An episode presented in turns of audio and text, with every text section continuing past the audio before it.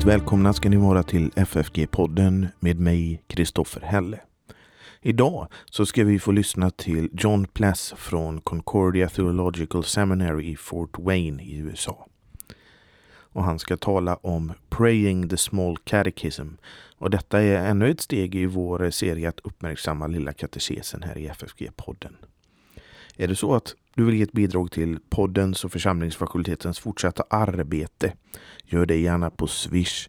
Numret är 123 100 8457 och så märker man det med FFG podcast eller FFG gåva. Det tages tacksamt emot. Nu John Pless, god lyssning.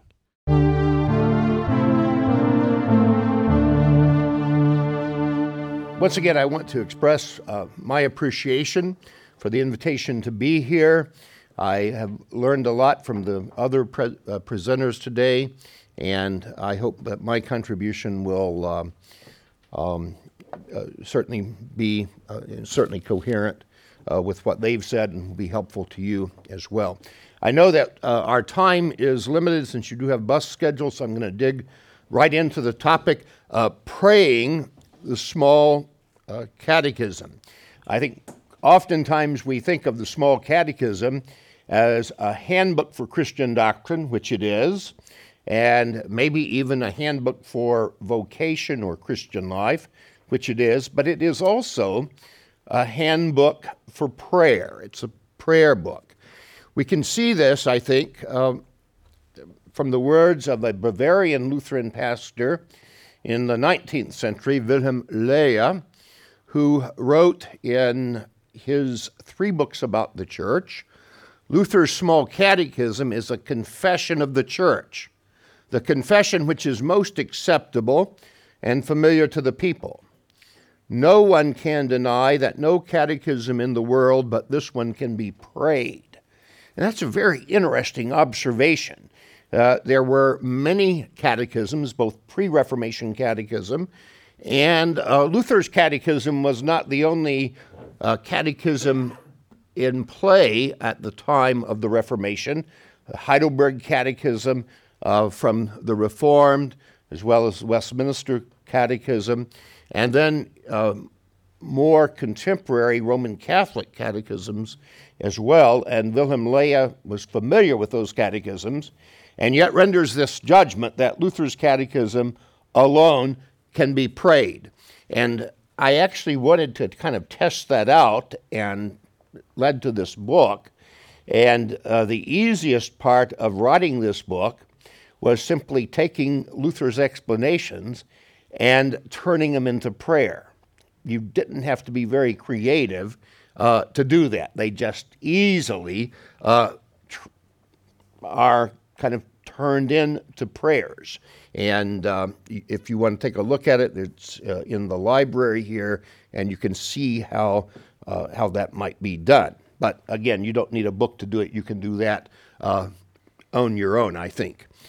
And then a little more recently, the Lutheran theologian Edmund Schlink, who died uh, in 1984, uh, once characterized 19th century liberalism as that period of evangelical theology during which dogmatics had become largely a playground for the subjective originality of speculative piety, in which Christians gener- generally forgot how to pray through their catechism.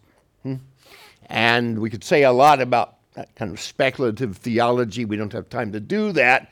But Schlink's observation that this was a time when theologians and pe- Christian people in general were moving away from praying through the catechism. And that's certainly a good uh, exhortation and uh, warning, I think, for us as well. If we look back to Martin Luther himself, he writes in the preface to the Large Catechism I am also a doctor, uh, a doctor and a preacher, just as learned and experienced as all of them are, who are so high and mighty. Nevertheless, each morning and whenever else I have time, I do as a child as be as a child who is being taught the catechism. And I read and recite word for word the Lord's Prayer, the Ten Commandments, the Creed, the Psalms, etc.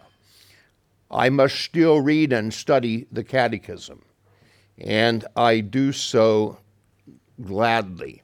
Now, Luther there is not simply arrogantly promoting his own little book called the Catechism, but remember, he's speaking of these key texts, commandments, creed, Lord's Prayer.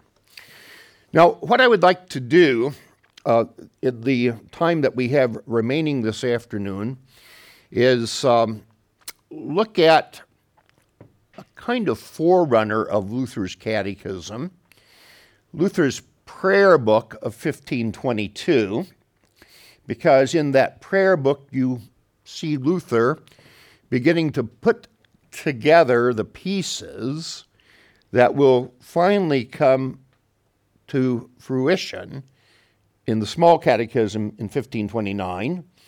And then we'll look at some text in the small catechism uh, itself. And then, if we have a little more time, we'll look at one example of how, in Luther's lifetime, he used the catechism actually to instruct people in prayer. 1535, his celebrated letter to Peter the Barber on prayer. We might not have enough time to really delve into that letter to Peter the Barber, but that's really an important piece if you want to see how Luther himself was using the catechism uh, as, as prayer book. Now, the personal prayer book of 1522 it's already been mentioned by previous speakers that um, Luther wrote any number of devotional tracts in 1518, 1519, 1520 that had to do with various parts of the catechism. Specifically, these devotional tracts were to provide a alternative to the medieval confessional books that would speak of how one was to confess sin.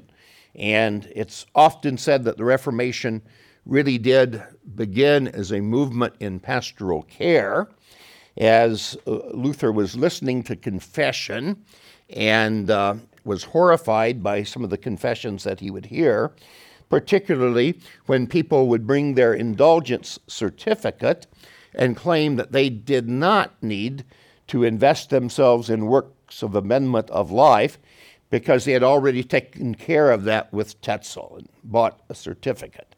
And so Luther is really, in many ways, uh, addressing the question of what is contained in repentance and faith, and what does that look like as you make confession of your sin. So he has little tracts on short explanation of Ten Commandments, of the Creed, Lord's Prayer. Then 1522, he prepares what he calls his personal prayer book. Now, in his preface to this personal prayer book, he begins by offering a critique of the medieval prayer books. Come to that in just a minute and he sees the personal prayer book as an evangelical alternative to these medieval prayer books. And so he writes in the preface to this 1522 work I regard the personal prayer books as by no means the least objectionable. They drub into the minds of simple people such a wretched counting up of sins and going to confession, such unchristian tomfoolery about prayers to God and His saints. Moreover, these books are puffed up with the promises of indulgences and come out with decorations in red ink and pretty titles. These books need a basic and thorough reformation, if not total extermination. In other words, these books were really being marketed. Uh, they were nicely uh, decorated, nicely uh, uh printed. And uh, just kind of a side note here the interesting book from back in the anniversary year by Andrew Pettegree, Brand Luther. I don't know if you're familiar with that, but it's a great commentary by a social historian on how the Reformation really transformed the printing industry. Initially, uh, the printers were very nervous about Luther and the Reformation because they were harvesting a good cash yield from printing up indulgence certificates, uh, printing up these elaborate prayer books, and uh, sermons to encourage people to buy indulgences. But after the publication of the 95 Thesis, the printers quickly learned that Luther was a cash cow, as we would say in America. That uh, there was, you know, if there was good money to be made in bad religion uh, under the papacy, uh, there was a some good money to be made in, in good theology. And, and so they were publishing literally everything they could get from Luther.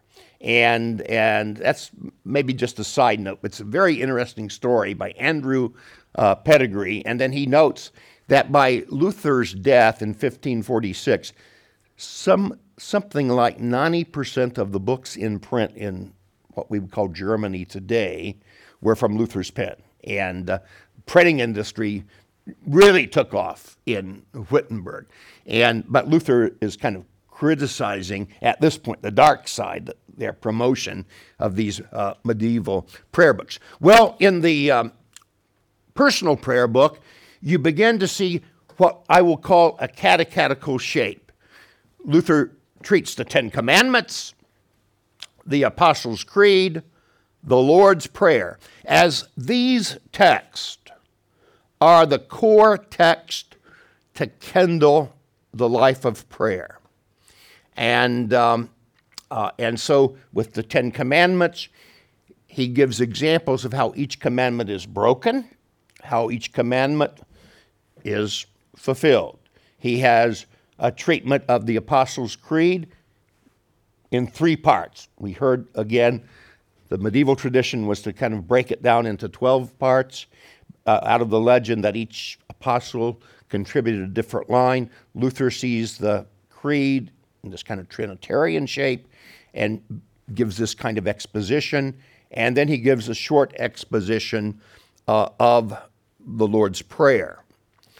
And you'll see much of that language resurfacing then in the small, uh, in the small catechism. In the personal prayer book, Luther says, indeed, the total content of Scripture and preaching and everything a Christian needs to know is quite fully and adequately comprehended in these three items the Ten Commandments, the Creed, the Lord's Prayer. They summarize everything with such brevity and clarity that no one can complain or make excuse that the things necessary for his salvation are too complicated or difficult for him to remember. Brevity, it's short, to the point, but also clarity. Gets to the heart of the message of Holy Scripture. Now, the small catechism itself, I would suggest, is geared toward prayer. And I appreciated uh, uh, Daniel's comments on the structure of the catechism and the interrelations that are there in the catechism. And um, he asked me the question over break uh, Do you see others? And I said, Yes, because the more I study the catechism, the more I see nuances and linguistic connections that I had not really observed before. And that's you know, one of the reasons I would encourage pastors and lay people uh, to continue to study the catechism because there's always uh, more to learn there.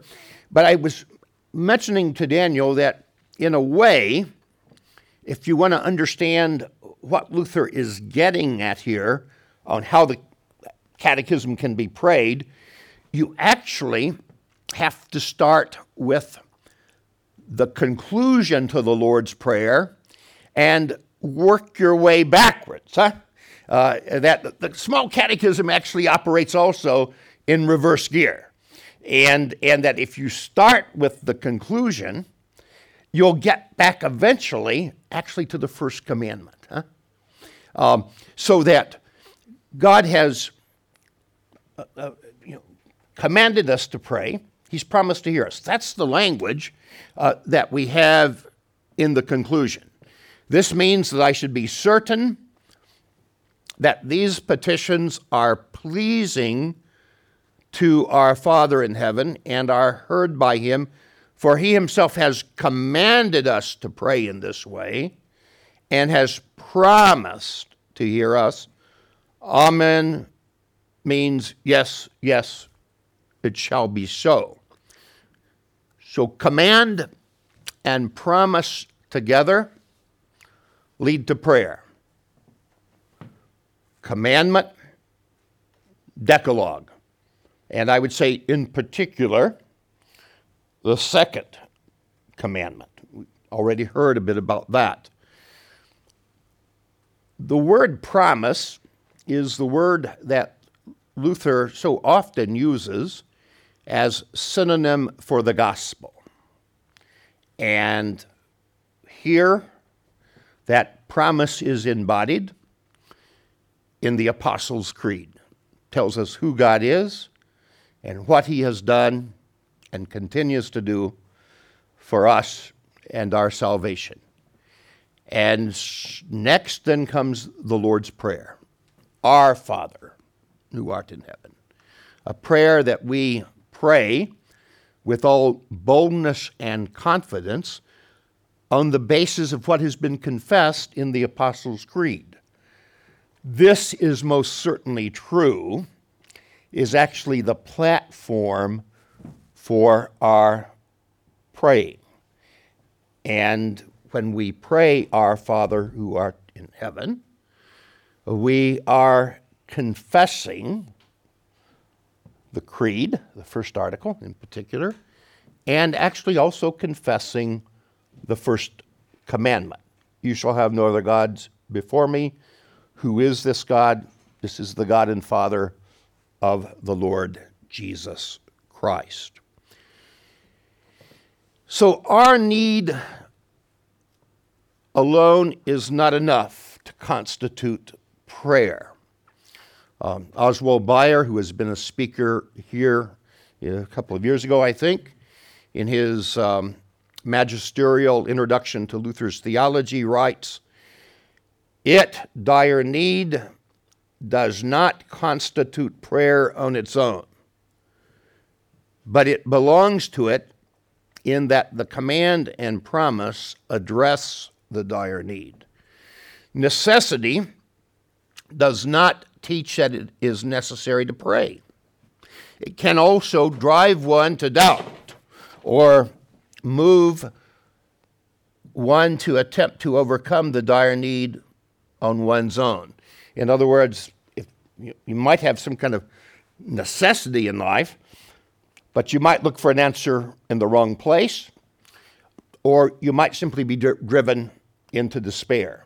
And in the place of this kind of necessity, Bayer contends that um, Luther operates with God's command and promise. God has commanded us to pray, but the law alone is not enough. It needs to be joined by the gospel, uh, the promise, which then enables prayer.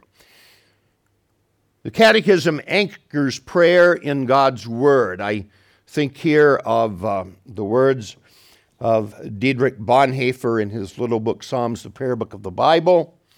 Bonhoeffer says, It is not the poverty of our heart, but the richness of God's word that ought to determine our prayer.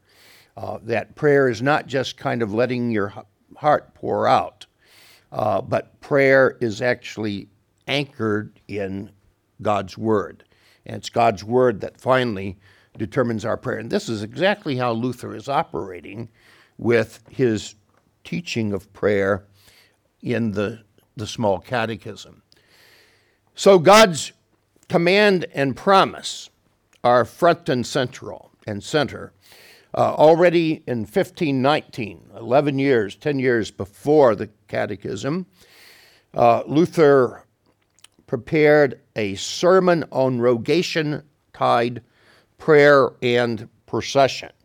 That uh, medieval custom of on the fifth Sunday after Easter, Sunday before Ascension, having a procession into the fields where the priest would pray God's blessing on the on the crops, and that was a festival that had been abused and, and misused with drunkenness and carousing, and missed the genuine purpose of the festival, namely to pray. And so Luther attempts to uh, recall the original purpose of Rogation Tide. And he says, first, we must have a promise and pledge from God. We must reflect on this promise and remind God of it. And in that that and it that that in, in that way might be emboldened that we might be emboldened to pray with confidence. If God had not enjoined us to pray, and if He had not promised fulfillment, no creature would be able to obtain so much as a kernel of grain, despite all his petitions. What's the bottom line there? Without God's word, prayer is empty and powerless. It's only uh, the word of God that uh, makes prayer potent. The command uh, we see again in this expl- explanation of the second commandment. Uh, we should fear and love God so that we do not curse, swear, use satanic arts, lie or deceive by his name, but call upon it in every trouble, pray, praise, and give thanks. And so Luther sees the second commandment not only as a commandment of prohibition or avoidance, don't swear, curse, lie, use witchcraft, etc., but he also sees this positive dimension, something you are to do.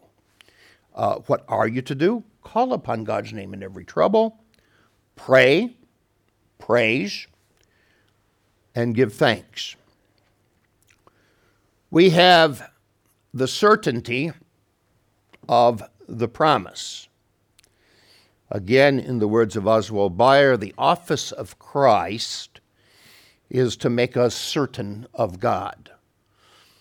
Luther would speak of the monster of uncertainty. The great enemy of faith is doubt and uncertainty.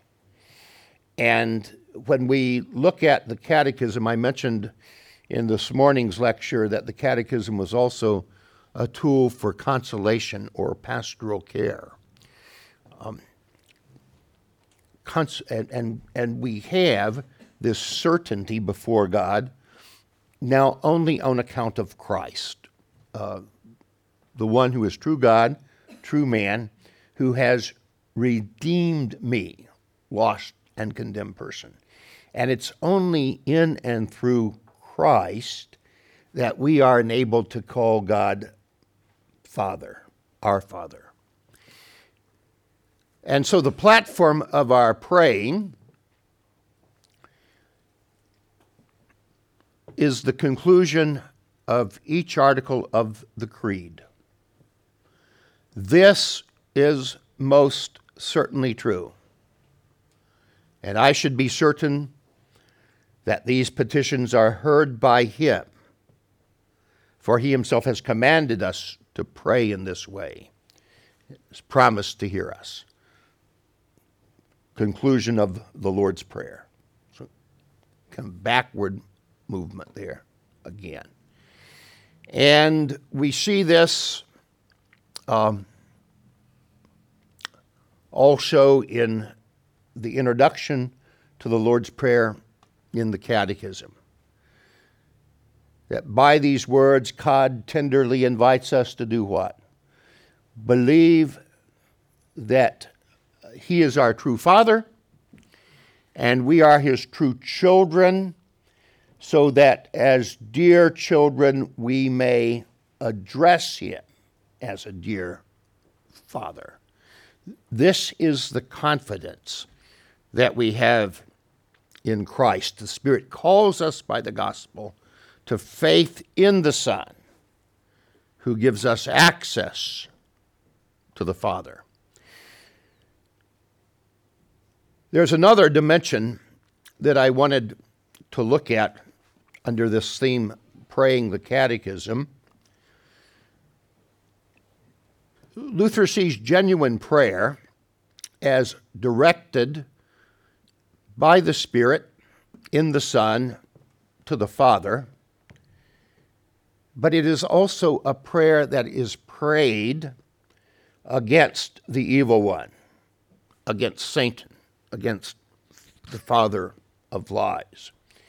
Um, an Australian theologian a number of years ago Maurice Schild wrote a little article in their journal entitled uh, Luther on Prayer Defrocking the Devil. That's kind of an image, interesting image there.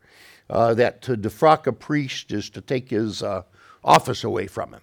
And, and that Luther uh, sees prayer as directed against Satan. And if, if you have time on your own, you might want to simply pay attention to that in the Lord's Prayer. Uh, certainly, it's there in the uh, final petition, Deliver Us from Evil. But uh, look at how each petition of the Lord's Prayer is also directed against Satan, even as it is a calling upon uh, God the Father in heaven. Anselm envisioned theology as faith seeking understanding. Luther saw theology as faith enduring attack. And as I mentioned this morning, uh, this is how Luther uh, wants the catechism to be used as a tool, both offensively and defensively, in the spiritual struggle uh, that Christians continue to endure uh, in, this, um, in, in this world. Uh, just a few, thing, a few more things here. From um, Albrecht Peters Praying the Catechism is not merely for children and the simple, it is no less the duty and the joy of the mature Christian. Because the triune God Himself is the true teacher of the basic mysteries of the faith, all Christians are His pupils. Prayerful meditation on these basic central texts of our Christian faith draw our inner man into the dynamic of the Spirit of God. These texts and the light of faith from them pull us out of evil thoughts, still and diffuse unrest of our hearts, and form a study, a steady, sturdy, protective barrier against demonic temptations. So the Lord's Prayer, as I said, is directed to the Father and against Satan. You see this in the small in the text of the small catechism itself. Uh, two brief examples. First, from the third petition, God's will is done when He breaks and hinders every evil plan and purpose of the devil, the world, and our sinful nature, which do not want us to hallow God's name or let his kingdom come. And especially in the seventh petition, where we pray that our Father in heaven would rescue us from every evil of body and, and, and, and soul. The Catechism's teaching on prayer actually contains prayer. Uh, one of the um, interesting things I think about the Catechism, especially Luther's teaching exposition of the Lord's Prayer in the Catechism, is that often he will break into prayer. He's, so he is not only descriptively talking about what prayer is, he actually teaches by praying, and his prayers then also teach. Again, uh, an example from um, the second petition God's name is kept holy when the Word of God is taught in its truth and purity, and we, as children of God, also lead holy lives according to it. Help us do this, dear Father in heaven. But anyone who teaches or lives contrary to God's word profanes the name of God among us. Protect us from this, Heavenly Father.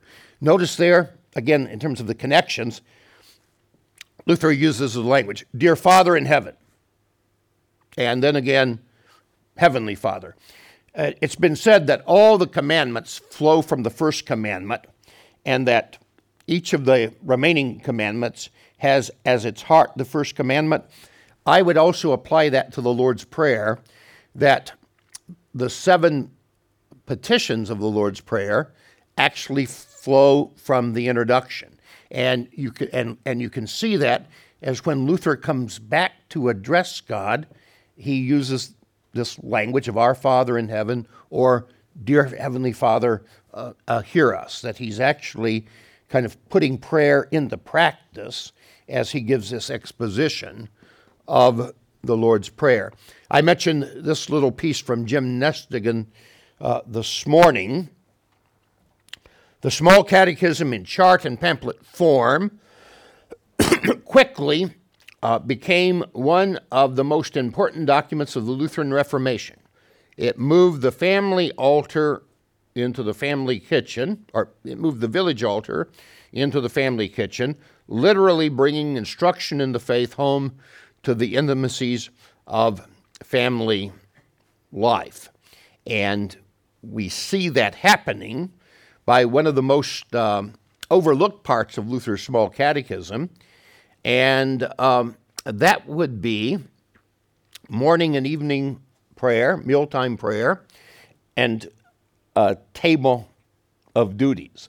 And I think this is another one of those interesting connections that at the end of Luther's exposition of the first article, um, for all this, it is our duty to thank, praise, serve, and obey God. And Luther doesn't stop there and give you uh, 10 ways, 10 steps to thank and praise God, or a five point plan uh, for serving and obeying God. He simply says, This is most certainly true, and he keeps running. But he takes that theme, thank and praise, serve and obey God, and he picks it up after the six chief parts. Where do you thank and praise God? In the morning when you get out of bed, in the evening when you go to bed, and at mealtime when you sit down to eat. And it's interesting that Luther takes the two aspects of human existence where it is most clear that we are creatures and not the creator. Uh, God, the keeper of Israel, neither slumbers nor sleeps. But you can't stay awake continually. You have to finally rest and sleep. And eating. Yeah. C.S. Lewis once said that uh, the God of the Scriptures creates his own parasites. Uh, that in pagan religion, Lewis noted, that the devotees always are feeding their gods. Uh, You know, whether it is in Rome, the sacrifice of the Mass, or in Hinduism, where you have the presentation of foods to the various deities. You know, you don't want a hungry God loose, you want to keep him satisfied. But the God of Scriptures is the God who opens his hand and satisfies the desire of every living creature. Uh, the cattle on a thousand hills, Psalm 50, God says in Psalm 50, are mine. If I were hungry, would I tell you? No.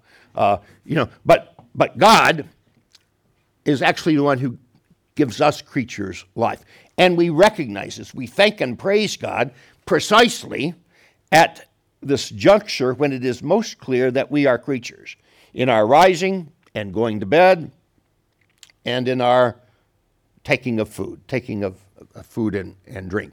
And so Luther includes morning and evening prayer uh, as well as, as mealtime prayer. And we've heard a bit about the morning and evening prayer. There's a kind of a, a little order that Luther gives. Uh, in the morning, uh, when you get up, sign of the cross, along with the name into which you were baptized Father, Son, and Holy Spirit. And then the creed, that confession of the church, um, that was made over you when you were baptized, and the Lord's Prayer, which was first prayed over you in baptism. If you look at, again, the historic baptismal liturgies, uh, the confession uh, of, um, of the creed, use of the Lord's Prayer. So there's a baptismal shape. Sorry, the, the uh, PowerPoint isn't working there.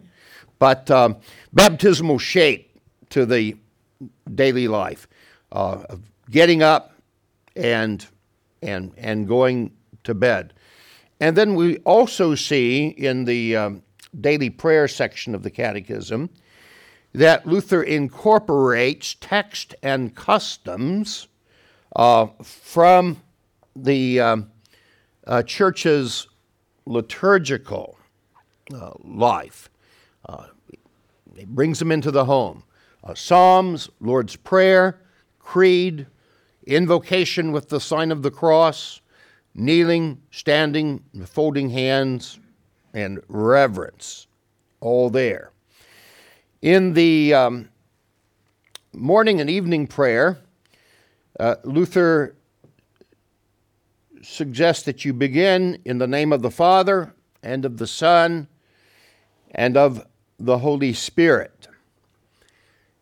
Carl Beckwith writes The same sign of the cross and the same confession of the Trinity made upon you at your baptism is acted out and spoken again by you as you rise to start your day and as you retire at the end of your day. By framing the Christian life this way, Luther places before the believer the daily remembrance of baptism and its benefits, and furthermore construes daily living in according in accordance to the same saving work of the Trinity. So God's name is kind of the bookend. You're getting up and you're going to bed, and you live your life in the confidence then that your help is in uh, the name of the Lord. We would also note the morning and evening uh, collects in the um, Catechism. These morning and evening collects are rightly called Luther's morning and evening prayer, but in reality, they are a reworking of traditional morning and evening prayers that would have been used within the monastic community. But Luther leaves his fingerprints, as it were, all over them, and and uh, and and these prayers again embody the first three parts of the catechism. That's another place where you see this kind of intertextuality, I guess, uh, between the parts of the catechism. That here uh, Luther is actually unfolding the catechism in prayer form. If you're and, and the other aspect of the morning and evening prayers is that, um, and I have a little chart on on on on this in in the book and uh, on the PowerPoint. I'll have to send I'll send you the PowerPoint. Maybe you can make it available in some way to uh, those who can't, uh, since we can't seem to get it here. But what I've done is to provide a little chart that shows the connections uh, between the petitions of the Lord's Prayer, because Luther envisioned the Lord's Prayer as the source and norm of all Christian praying. Uh, the Lord's Prayer is the source of all Christian praying because it's God's word to us and it actually reflects the mind of God as to what we ought to be praying for. And, and, and all of our prayers are really simply drawn out of the Lord's Prayer. And that's how you'd understand Luther's morning and evening prayer here, too. And the Lord's Prayer is normative. If we, if we can't pray for something under one of at least one of the petitions of the Lord's Prayer, uh, Luther would say we really ought not be praying for that. It, uh, but Lord's Prayer is very spacious. It is, as Georg Vicedom has said, this prayer that uh, spans the world. And the other thing that's quite interesting to me about the morning and evening prayer, um, Luther was immersed in the Psalter from his days in the monastery. And in fact, some Luther scholars suggest that Luther probably knew the whole Psalter by heart by the time he came out of the monastery because the Psalms were being continuously prayed in the daily office. And so the language of the Psalms simply bubbles up in Luther's own prayers. And I've noted about 30 either fairly close allusions or direct citation of the book of Psalms in Luther's, uh, Luther's morning and evening uh, uh, prayer. And then the mealtime prayers grow out of the fourth petition Give us this day our daily bread. And, um, and again, Luther is just unpacking this kind of thanksgiving that is, is there uh, for daily bread in the uh, fourth petition. One of the interesting things that Luther does then in the daily or of the mealtime prayer is that he provides a brief ordo or a brief table liturgy for use in the home. And it has this structure.